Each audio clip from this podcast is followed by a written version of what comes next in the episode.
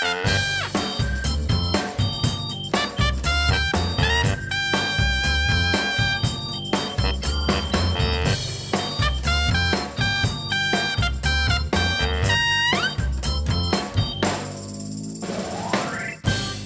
dit is wel een heel bijzonder moment. Een extra podcast in verband met een Nigeria-reis die CIP heeft gemaakt in samenwerking met SDOK.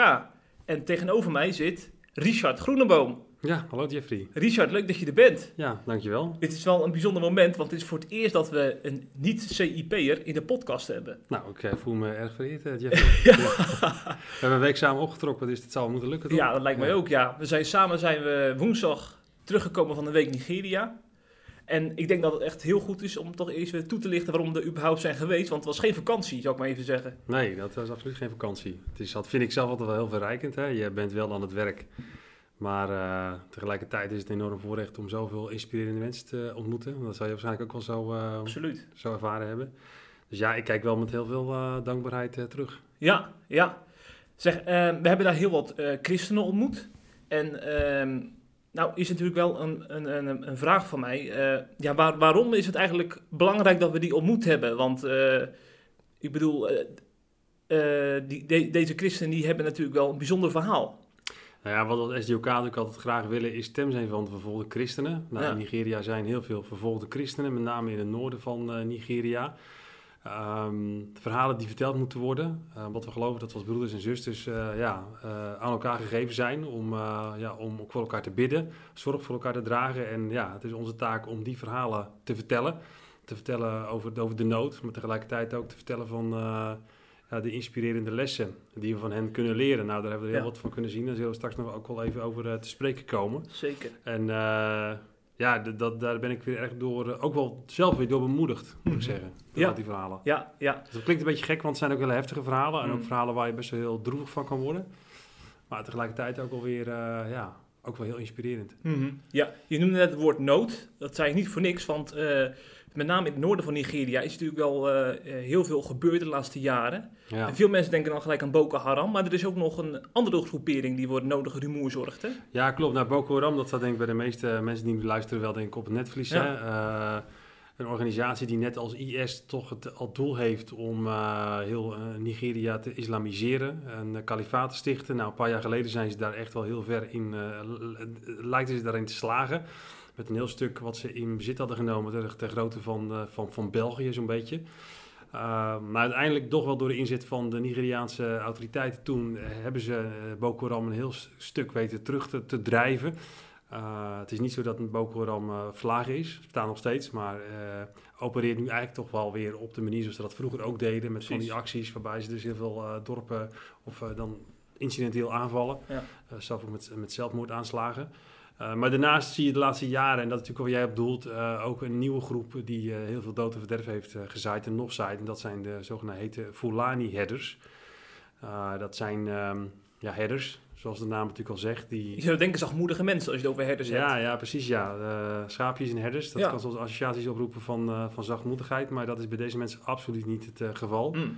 Het zijn... Um, ja, herders die met name vanuit het noorden opschuiven richting het zuiden. Ze komen dus uit Noord-Nigeria. Maar ook door klimaatverandering zie je dat in het noorden van Nigeria wel heel droog is, weinig voorzieningen. Dat er steeds minder grasland beschikbaar is voor, voor de koeien van die, van die herders. Klimmen dus meer, steeds meer op naar het zuiden, waar dus de christenen wonen. nemen daar stukken land in, in bezit met grof geweld. christelijke dorpen worden weggemaaid.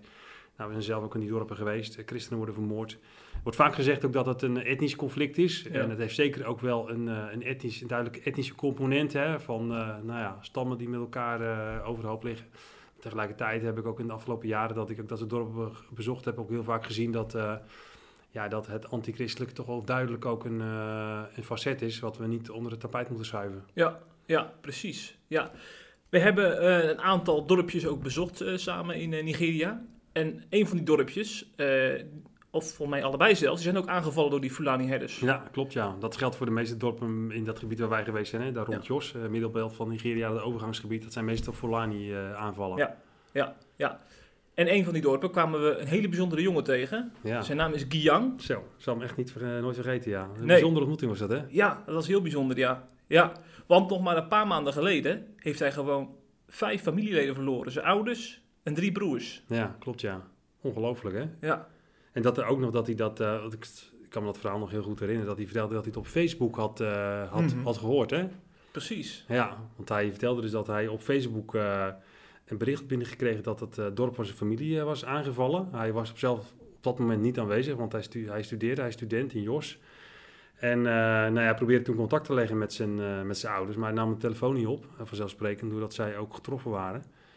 En ja, toen is hij dus de andere ochtend eh daar naartoe gegaan om zijn polshoogte te nemen. En ja, toen kwam hij er dus achter inderdaad dat zijn, zijn beide ouders waren vermoord. En nou ja, toen we, toen we daar waren, we zijn zelf met hem teruggegaan. Hè. Hm. Onvoorstelbaar. Ik weet niet hoe jij dat hebt ervaren, maar ik vond het echt eh, heel heftig om met hem terug te gaan naar die plek waar het allemaal was gebeurd. Ja, ja, Die, eh, die plek waar dus eh, in dat huis, waar hij dus woonde, waar dus zijn familie lag dus gewoon te slapen. Waarbij dus zijn vader en twee broers levend zijn verbrand. En hij dus, ja, ja de, de, de overblijfselen, de verkoolde resten van de lichamen van zijn eigen vader en zijn twee broers aantrof. En een deur verder lag zijn moeder dood in het toilet, die had geprobeerd te vluchten. En nog een andere broer, een jongen van acht, zijn jongste broer, die dus eh, met een machette eh, een flinke klap op zijn hoofd had gekregen. En die dus een dag later aan zijn verwonding is overleden. Eh, Dat, ja, daar heb je geen woorden voor, daar ben je alleen maar stil van. nou, Zeker als je daar met zo'n gast terug bent. Ik weet niet, hoe, hoe heb jij dat ervaren?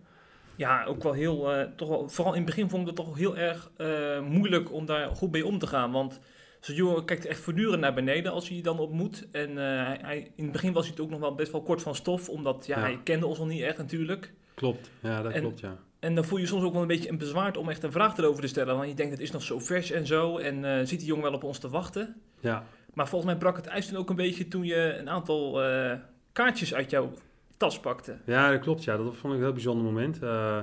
Eh als SJK willen we dit soort reizen ook maken, ook om vervolgde broeders en zussen daar eh, te bemoedigen. Nou, een belangrijk aspect daarbij is natuurlijk dat je iets meeneemt eh, vanuit Nederland, dat ze zien dat de christenen ook echt aan hen denken en voor ze bidden. Dus we hadden een tijdje geleden op een, ehm, de naar buitenbeurs van de zomer, die eh, in Barneveld eh, was gehouden, hadden we stand als SDOK en hadden we ja, christenen gevraagd om een foto van zichzelf te laten maken met zo'n Polaroid camera die gelijk klaar is. Ja, En dan konden ze dus met een viltstift eh, daar een wens, groet of een bijbeltekst opschrijven. Dus ik had een hele stapel van die foto's me- meegenomen en die heb ik dus inderdaad aan hem gegeven aan het begin van het gesprek. Nou, ook aangegeven dat eh, in Nederland eh, ook veel christenen zijn die voor ze bidden. En inderdaad, je zag wel dat hem dat echt heel goed deed. En dat vond ik ook, ja, ook voor mezelf weer bemoedigend dat je op die manier, hoewel je soms ook nou ja, heel vaak toch het gevoel hebt van ja, wat kan ik nou voor zo iemand doen? Soms is het ook maar beter om gewoon je mond te houden en eh, te vragen van joh, eh, ja, hoe, eh, hoe gaat het met je? Maar dat je op dat moment echt merkte dat je ook echt iets kon betekenen voor hem. En dat het hem ook heel goed deed. En nou, toen we later, herinner je misschien nog wel, toen nog naar de plek gingen waar die familie begraven lag. Dat hij die fotootjes ook continu beethield, hè, van de ene plek naar de andere. Dat voor hem toch misschien zoiets was van, nou ja, ik, ik sta hier niet alleen. Ik heb ook een, eh, een kring van mensen in Nederland die ook voor mij bidden. En dat dat voor hem, die fotootjes die hij vasthield, dus iets van een bevestiging was of zo. Ja. Dat is, zo, ja, vond ik wel bijzonder. ja, vond ik ook ja. Ja, ja. en we hebben ook nog natuurlijk eh, wat, wat buurtbewoners gesproken die ook als Ja. getuigen wat, eh, wat dingen hebben gezegd. Ja, ja, ja, er dezelfde mensen die daar gewoon buiten sliepen, hè? Ja, Ongelooflijk. Ehm dan zijn we inmiddels alweer een paar maanden verder. Eh, ja, die lui die kwamen natuurlijk ook gewoon... eh S'avonds om een uur of acht was het helemaal donker daar. Eh, ze kunnen zo overvallen worden. Huizen gewoon in brand gestoken. Mensen zijn ehm, ja, levend verbrand. Ik kan me voorstellen dat je dan voor kiest om buiten te slapen. Dat op het moment dat ze iets voor, alsnog nog een keer voor zou doen... dat je dan ja, heel snel weg bent. ja. dat was de reden dat ze buiten slapen. Hè? Ja, dat Ja. was de reden dat ze buiten slapen. En het tragische is natuurlijk ook hè, dat, je, dat je ziet dat de mensen ook gewoon eigenlijk geen bescherming hebben. Hè? Nee, door- niet door de overheid. Nou, heel weinig. Nou ja, in dit geval dus helemaal niet. Je ziet nog wel eens dat de overheid wel een stukje ja, bescherming biedt door een politiepost tijdelijk neer te zetten. Maar ik had niet het idee dat dat nou daar het geval was. Dus die mensen die zijn voor, zich, voor hun gevoel eigenlijk aan hun eigen lot overgeleverd. En Ja. eh, dat geeft je soms wel eens een beetje een hopeloos gevoel. Ja, ja. Ja. überhaupt als je dan door Nigeria reist en eh, gewoon merkt dat er een, ook op de terugweg naar het vliegtuig een, een eh, politieauto voor ons uitboet met drie agenten, dan denk je al, nou, er Ja. is iets niet goed in dit land. Hè? Nee, maar dat bleek ook wel, hè? want zeven jaar geleden is er dus inderdaad een lokale medewerker van eh, een van de lokale partnerorganisaties waar we dus nu mee reisden om het leven gekomen. Omdat die Ja. op die weg tussen Abuja en Jos is overvallen. Gewoon een roofoverval, tegengehouden en een lokale medewerker werd vermoord. Ja, en nadien hebben ze uh, nooit meer enkel risico genomen. Maar goed, ik moet zeggen dat ik me niet onveilig heb gevoeld ook. Nee, en niet dat het jou was, maar Nee, eh, het geeft je ook wel een extra veilig gevoel, hè? Ja, dat is het vooral. Ja, het feit dat ze voor je uitgaan is toch wel een eh, Ja, fijne gedachte. precies. Ja, ja. Zeg even een andere vraag. Droom jij wel eens eigenlijk? Nou, ik droom wel eh, geregeld, maar ik heb heel vaak dat ik het een andere ochtend niet zo goed meer weet. Maar eh, Nee. dat ik wel heel intensief wakker word. Ja. Eh, maar je bedoelt misschien ook dromen van de verhalen die ik hoor of zo? Of uh, zo? Nou, bijvoorbeeld eh, dromen over het, het kruis van Jezus ja, bijvoorbeeld. ja, daar bedoel je op. Ja, Ja. ja. Ja, dat was ook heel bijzonder. We hebben ook heel veel mensen gesproken die, die op een hele bijzondere manier Jezus hebben leren kennen door middel van dromen. Ja. Ik moet zeggen, dat soort dromen heb ik helemaal Nee. nog nooit gehad. Maar ik geloof wel dat God in dit soort delen van de wereld op een hele andere manier werkt dan, eh, Hm. dan bij ons. Ja, dat blijkt wel, want we hebben wel maar iets van vijf, zes mensen gesproken die vertelden dat ze Jezus in een droom hebben leren kennen Ja. als moslim. En een van die gasten, dat is Abu Bakr, Ja, een, eh, een jongen die eigenlijk voor die droom helemaal niets met het christendom had. En dat is een understatement, ja. want eh, volgens mij heeft hij toch wel zelfs het nodige geflikt, zal ik maar zeggen. Nou ja, eh, dat is inderdaad uh, zag, zachtjes gezegd. Volgens Ja. mij vertelde hij dat hij zelfs een eh, voorganger van zijn, zijn, zijn, motorfiets had, had getrokken, in elkaar had geslagen, zijn motorfiets had vernield, kerk had aangevallen. Ja, hij was echt iemand die eh, een hekel had aan het christendom, met alles wat in hem was. Ja, en dan is het toch, vind ik het extra bijzonder dat juist God zulke mensen die zo hekel aan hem hebben, opzoekt door middel van een droom en zo heel dichtbij komt. Dat, eh, ja, dat vind ik echt eh, om heel verwonderd over te worden. Ja, en hoe dat dan ook eh, vervolgens verder gaat. Want je zou kunnen denken van zo'n droom, nou dat is, dat is leuk. Dan gaat het leven gewoon weer verder. Maar dat heeft ook heel veel, eh, eh, impa- of heel veel gevolgen dan. Hè? Want zo'n jongen die wil dan echt doen wat in die droom tot hem komt. Namelijk Jezus navolgen. Ja, ja en ik, ik moet zeggen, ik, ik, dat, ja, hoe hij dat ook vertelt, hè, ik, vind het, ik vond het heel bijzonder. Want hij had dus helemaal niks met, met de God van de Bijbel. Dan lig hij op bed en dan zegt hij iets van, eh, ja, Jezus sprak tot me. Eh, ik ben de weg, de waarheid en het leven. Eh, Hm. Niemand kan tot de Vader komen dan tot mij. Dus, dus God komt echt met hem tot een Bijbeltekst die hij waarschijnlijk nog nooit heeft gehoord, nog nooit heeft gelezen. En als hij dan vraagt van, joh, maar wie bent u dan? Dat die stem ook echt in die droom antwoordt, ik ben Jezus. Dat hij dan direct contact heeft met Jezus. Zo. En dat zo'n droom echt een enorme ja, verandering eh, teweeg brengt. Er zit nog wel wat tijd tussen natuurlijk, hè, want ook bij hem ook. Dat hij dan in het begin ook heeft van, ja, eh, wat moet ik hier nou mee? Hè? En in het begin zie je bij die andere verhalen ook wel. Dat ze dan zeggen van, nou ja, eh, in het begin wilde ik het vergeten of ik wil daar ook niet met anderen over spreken. Ja. Maar bij hem heeft het inderdaad een hele radicale ommekeer eh teweeg gebracht. Ehm, nou ja, hij vertelde dus ook inderdaad dat hij daar op een gegeven moment naar een kerk was gegaan, daar zijn getuigenis had gedeeld. Nou, dat was zijn vader ter oren gekomen, die hem dus inderdaad voor de keus stelde van, joh, nee, allereerst de vraag had gesteld van, klopt dit verhaal? En confronteerde hem toen ook met die video, hè, die, eh, waar hij dus ook op te zien was, dat hij zich getuigenis deelde. Nou, ontkende die, maar uiteindelijk toch was al duidelijk dat hij het inderdaad was. Hij heeft hij drie weken vastgehouden, hè? Door zijn Eh, vader? door zijn vader, ja. Ongelooflijk. Eh, mishandeld, drie weken vastgezeten, waarna zeg maar, hij in die periode nog een keer een, een droom kreeg. waarin ehm, ja, Jezus tot hem sprak, waarbij hij duidelijk zei van je hoort bij mij voor eeuwig en altijd, wees niet bang. Hm. En dat op zo'n moment eigenlijk alle angst verdwijnt. Hè? Zo. Eh, en en, en de, de enorme keuze die mensen maken om echt alle schepen te verbranden en ja, Jezus te gaan volgen. Ja. ja, die radicaliteit, dat verbaast me soms nog het meest. Ja. Kom- kom- Misschien omdat we in een heel ander land leven, maar eh, je zou ook kunnen zeggen, hè, ik, ik de ene been in de, in de moslimwereld, de andere been in de christelijke wereld of zo, een beetje voorzichtig. Ja, Maar dat, die voorzichtigheid is er totaal niet bij. Nee, nee, nee, klopt. En dat is eigenlijk heel moeilijk. Hè? Het, is, of, het is echt een of het ander. Ja. En dat zag bij hem ook wel. Hij was dus inderdaad via via weer eh, met een nou, lang verhaal met een eh, voorganger in contact gekomen met een pastoor. En zit dus nu dus in een, een soort discipelschapsschool. Ja, wat is dat voor school eigenlijk? Ja, dat is een, een, een, een opleiding waar mensen die uit de islam komen, eh, ja, de basics leren van het christelijk geloof. Hij had dat trouwens volgens mij al doorlopen, want hij deed nu bijbelschool. Maar veel van die mensen die dus vanuit eh, islam christen worden, ja, die, die worden natuurlijk ten eerste eh, door hun familie niet meer geaccepteerd. Dus die hebben geen plek, worden met de dood bedreigd. Hebben nog heel veel vragen over het christelijk geloof. Hè? Heel veel basale vragen van wie is Jezus? Vragen over het vaderhart van God. Ja. Eh, omdat ze natuurlijk heel vaak zitten met de strengheid van God. Hè? Eh, God als vader kennen ze vaak niet. En dat zijn de, de onderwerpen waar ze dus in zo'n, in zo'n eerste training uh, mensen ja, leren. Wat is nou het geloof eigenlijk in de rustige setting, waar ze ook wat meer op adem kunnen komen. En je ziet ook dat zeker in die beginperiode, dat de boze echt nog wel heel flink actief is, ook om die mensen terug te, te krijgen. Want ik kan me herinneren, volgens mij was hij dat ook die dat vertelde, dat hij in het begin ook nog, toen hij daar veilig zat op die discipelschapsschool, dat hij dan dromen had waarbij hij uh, zijn moeder zag die, die hem wilde vermoorden. Bizarre dromen waren Ja. dat gewoon demonisch eigenlijk. Ja, dat is gewoon demonisch. Dus je ziet dat de boze toch wel ook doorgaat, ook om die mensen dan toch nog terug, terug te krijgen. Je hoort ook wel in die verhalen van die mensen dat ze soms dan ook nog wel de neiging hebben dat ze dan toch weer terug willen. Of hun familie erg missen, wat je ook kunt begrijpen. Want ja, uh, hoe erg dat ook is wat ze hebben meegemaakt. je, je, hebt toch misschien iets van een bloedband dat je toch naar je familie terug verlangt. Wat daar absoluut natuurlijk niet kan. Nee. Maar wat deze mensen wel voor allerlei moeilijke keuzes stelt. Zeker. Ja, ja, ja. En ondanks al die moeilijke keuzes en die narigheid groeit het christendom dus daar enorm. Want die Abu Bakr is dus niet de enige hè, die nee, nee, nee. Ik vond, wordt. Nee, dat vond ik wel het, het verblijdende. Dat vertelde die dominee Ibrailu. Dat is die voorganger die we gesproken hebben. Die die discipelschapstraining voor ex-moslims dus leidt. Ja, die vertelde dat hij vijf jaar geleden begonnen was met twee, uh, met twee ex-moslims. En zitten daar nu 62. Zo, 62. Wat een groei. En ze kunnen het eigenlijk gewoon nauwelijks aan, hè? Nee, ja, klopt. klopt. Ja, dat, ja. Uh, ze blijven maar komen. En vaak zijn ze ook via een omweg uh, daar gekomen. Want ja, dat was natuurlijk een ander dilemma waar ze natuurlijk voor gesteld werden. Dat vaak zo gebeurt dat, uh, dat voorgangers in het noorden vaak ook gewoon die mensen niet willen accepteren in de kerk. Dat is de reden? Nou ja, omdat ze niet vertrouwen komt een moslim en die zegt van ja, ik wil christen worden. Ja, misschien is het wel een spion.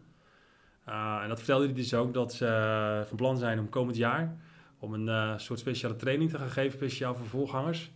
Om, ja, hoe ga je om met ex-moslims als ze interesse hebben voor het geloof.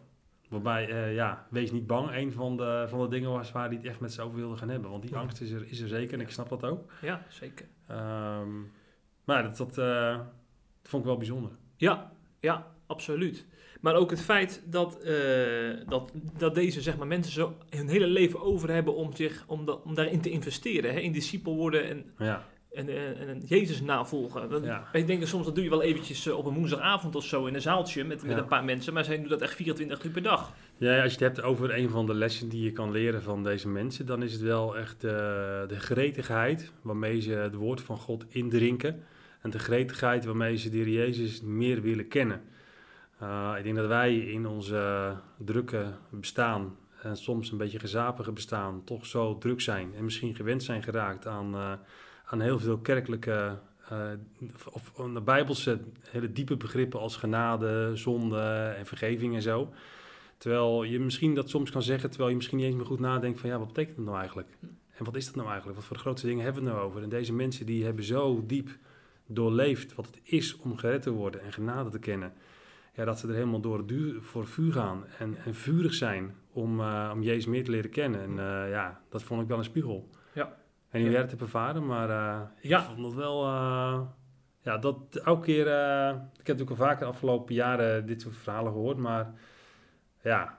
Het is ook weer goed voor mij keer weer om in de spiegel te kijken. Van, uh, je kunt toch in een soortje ja, gewoontepatroon komen. Mhm, Klopt, ja, ja. Wat mij ook erg opviel, eh, eh, is zeg maar het feit dat, dat zo vaak de nadruk wordt gelegd op eh, vergeving, hè? op eh, Ja. je vijanden liefhebben. Ja, Want ik heb dan zoiets van, ja, dat, dat menen die gasten totaal niet, joh. Maar, maar soms eh, hoef je dat niet eens te vragen en dan komen ze er Ja, zelf al mee klopt, in, een, eh, in een verhaal. Nee, daar heb je gelijk in. Dat is wel heel bijzonder. Dat viel me deze reis ook wel weer op. Uh, vergeving is natuurlijk een heel ehm, beladen onderwerp. Zeker als je het hebt over mensen die eh, ja, misbruikt zijn of eh, de meest eh, heftige dingen hebben eh, meegemaakt. eh, dingen die zijn aangedaan door andere mensen. Maar inderdaad, hier is het heel opvallend dat mensen al heel snel zeggen: I have forgiven them. Ehm, ik denk dat we daarvan kunnen leren dat, ehm, dat vergeving. iets is het een eerste wat God van ons vraagt. Hè? We kunnen heel, denk ik nog wel eens, eh, ik zeg het ook nog wel eens tijdens lezing of presentaties, van ja, in de Bijbel staat eh, natuurlijk op verschillende plaatsen dat we moeten vergeven. Hè? Eh, hebt u vijanden lief en dan van dat soort teksten. En we kunnen vaak nog wel eens over dat soort Bijbelgedeelte heen lezen als van ja, het staat er wel, maar ach gut, ja, het staat wel meer in de Bijbel. Ja. hè? Het is een optie, Ja, het is, het is een optie. Ja. En eh, sorry Heere God, maar eh, ja, nu even niet. En deze mensen, die doen het echt. Uh, en er zit denk ik ook wel een, als een, wellicht een, een cultureel aspect aan, denk ik, dat men toch, ehm, nou ja, bijvoorbeeld het gaat om de rechtsorde die daar niet is. Men moet, denk ik, ook het wel los kunnen laten om verder te kunnen leven. En dat is tegelijkertijd ook wel iets wat wij kunnen leren, denk ik. Want ik, ik, um, ik zie vaak, en je hoort vaak ook wel mensen die niet uh, in staat zijn om te vergeven. Dat je vaak uiteindelijk zelf de, degene bent die wordt vastgehouden door datgene wat anderen jou hebben aangedaan. Ja. Uh, waardoor je verbitterd raakt. En ja, deze mensen maken ook zoveel ellende mee dat ze misschien ook geen andere optie hebben, wellicht. Dat is één kant. Ja. ja. Als we het dan over vergeving hebben, dan moeten we natuurlijk denken aan onze broeder Habila. Want absoluut, dat is nog eens een man van vergeving. Nou ja, absoluut. Nou, dat is exact zo'n voorbeeld. Uh, nou ja, een man die ik een paar jaar geleden heb ontmoet, uh, bijzonder verhaal. Uh, voor degenen die zijn verhaal niet kennen, het gaat natuurlijk ook om, om een man die in 2012, november 2012, um, ja, bezoek kreeg van drie Boko Haram-strijders die om een uur of elf s'avonds op de deur stonden. En lag net op bed, samen met zijn vrouw en zijn jongen van zes, die lag naast hem.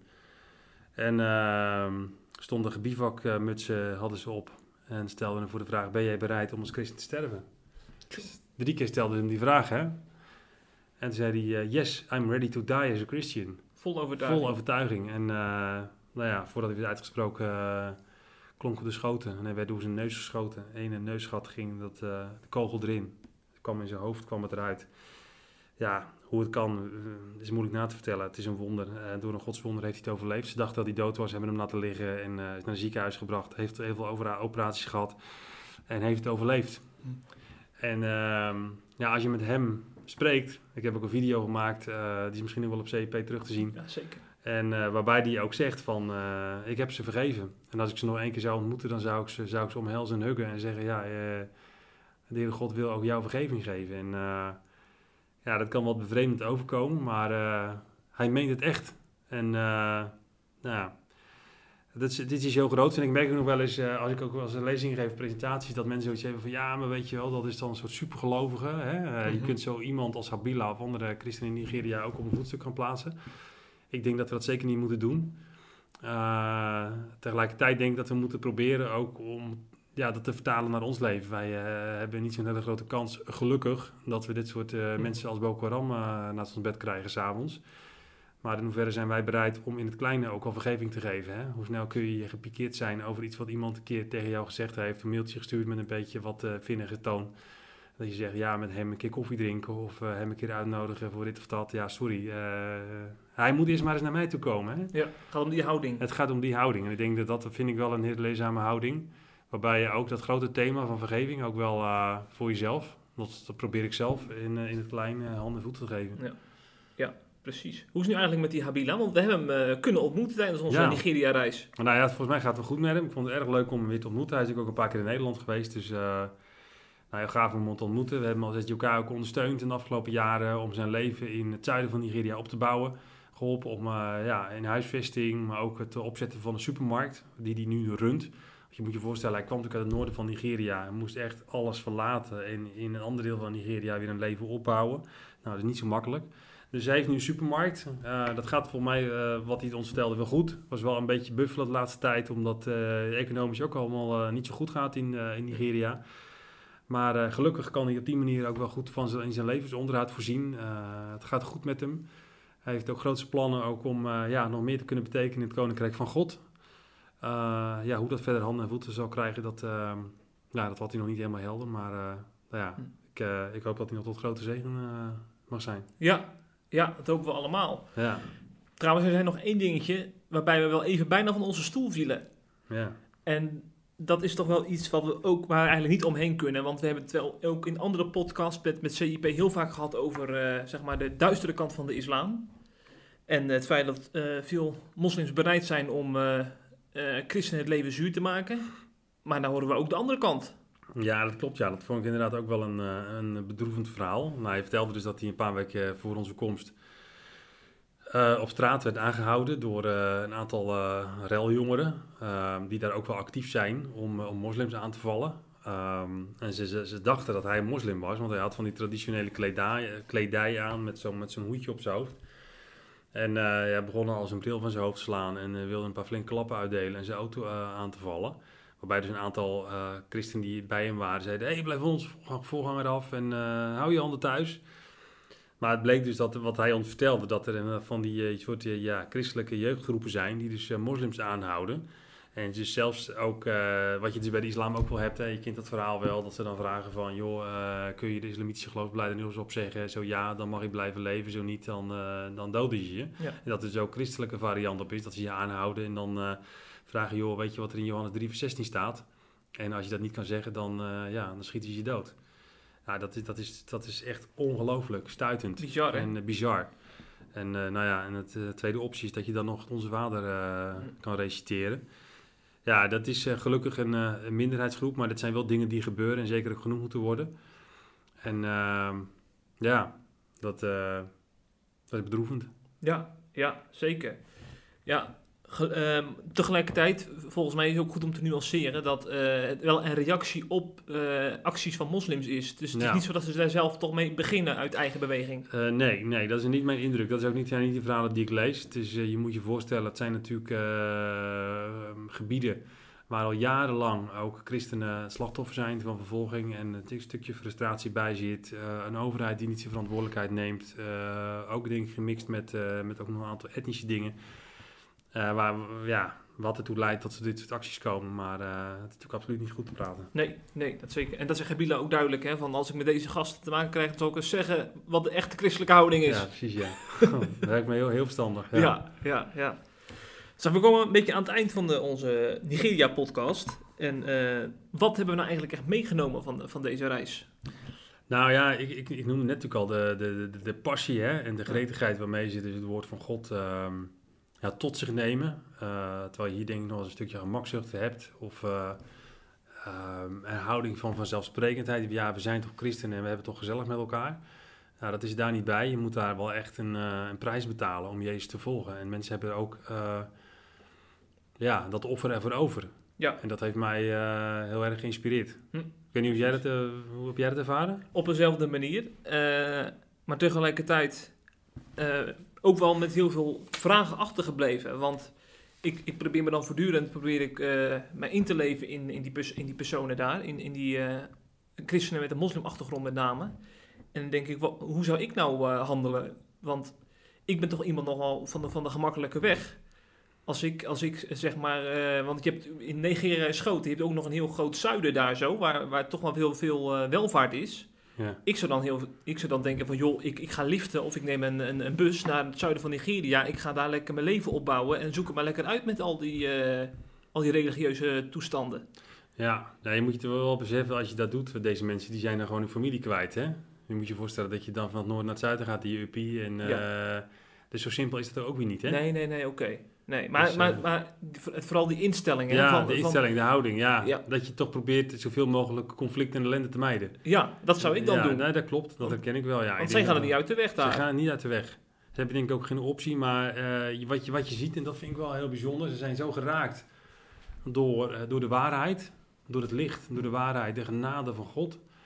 Ja, dat eigenlijk daar gewoon helemaal niks en niemand tegenop kwam.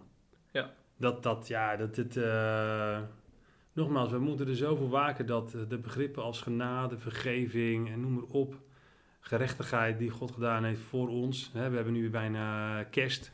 Hè, dan, dan kan het ook heel snel een, uh, bijna een soort uitgesleten verhaal worden. Ja, zeker. En dit soort verhalen bepalen er weer bij. Het is een enorm groot wonder. Hm. Dat er gewoon redding is. En dat je gewoon bevrijd bent als je de Heer Jezus hebt uh, leren kennen als je zaligmaker. En het is absoluut niet vanzelfsprekend. En daar zijn deze verhalen, vind ik, wel weer een uh, soort wake-up call uh, voor.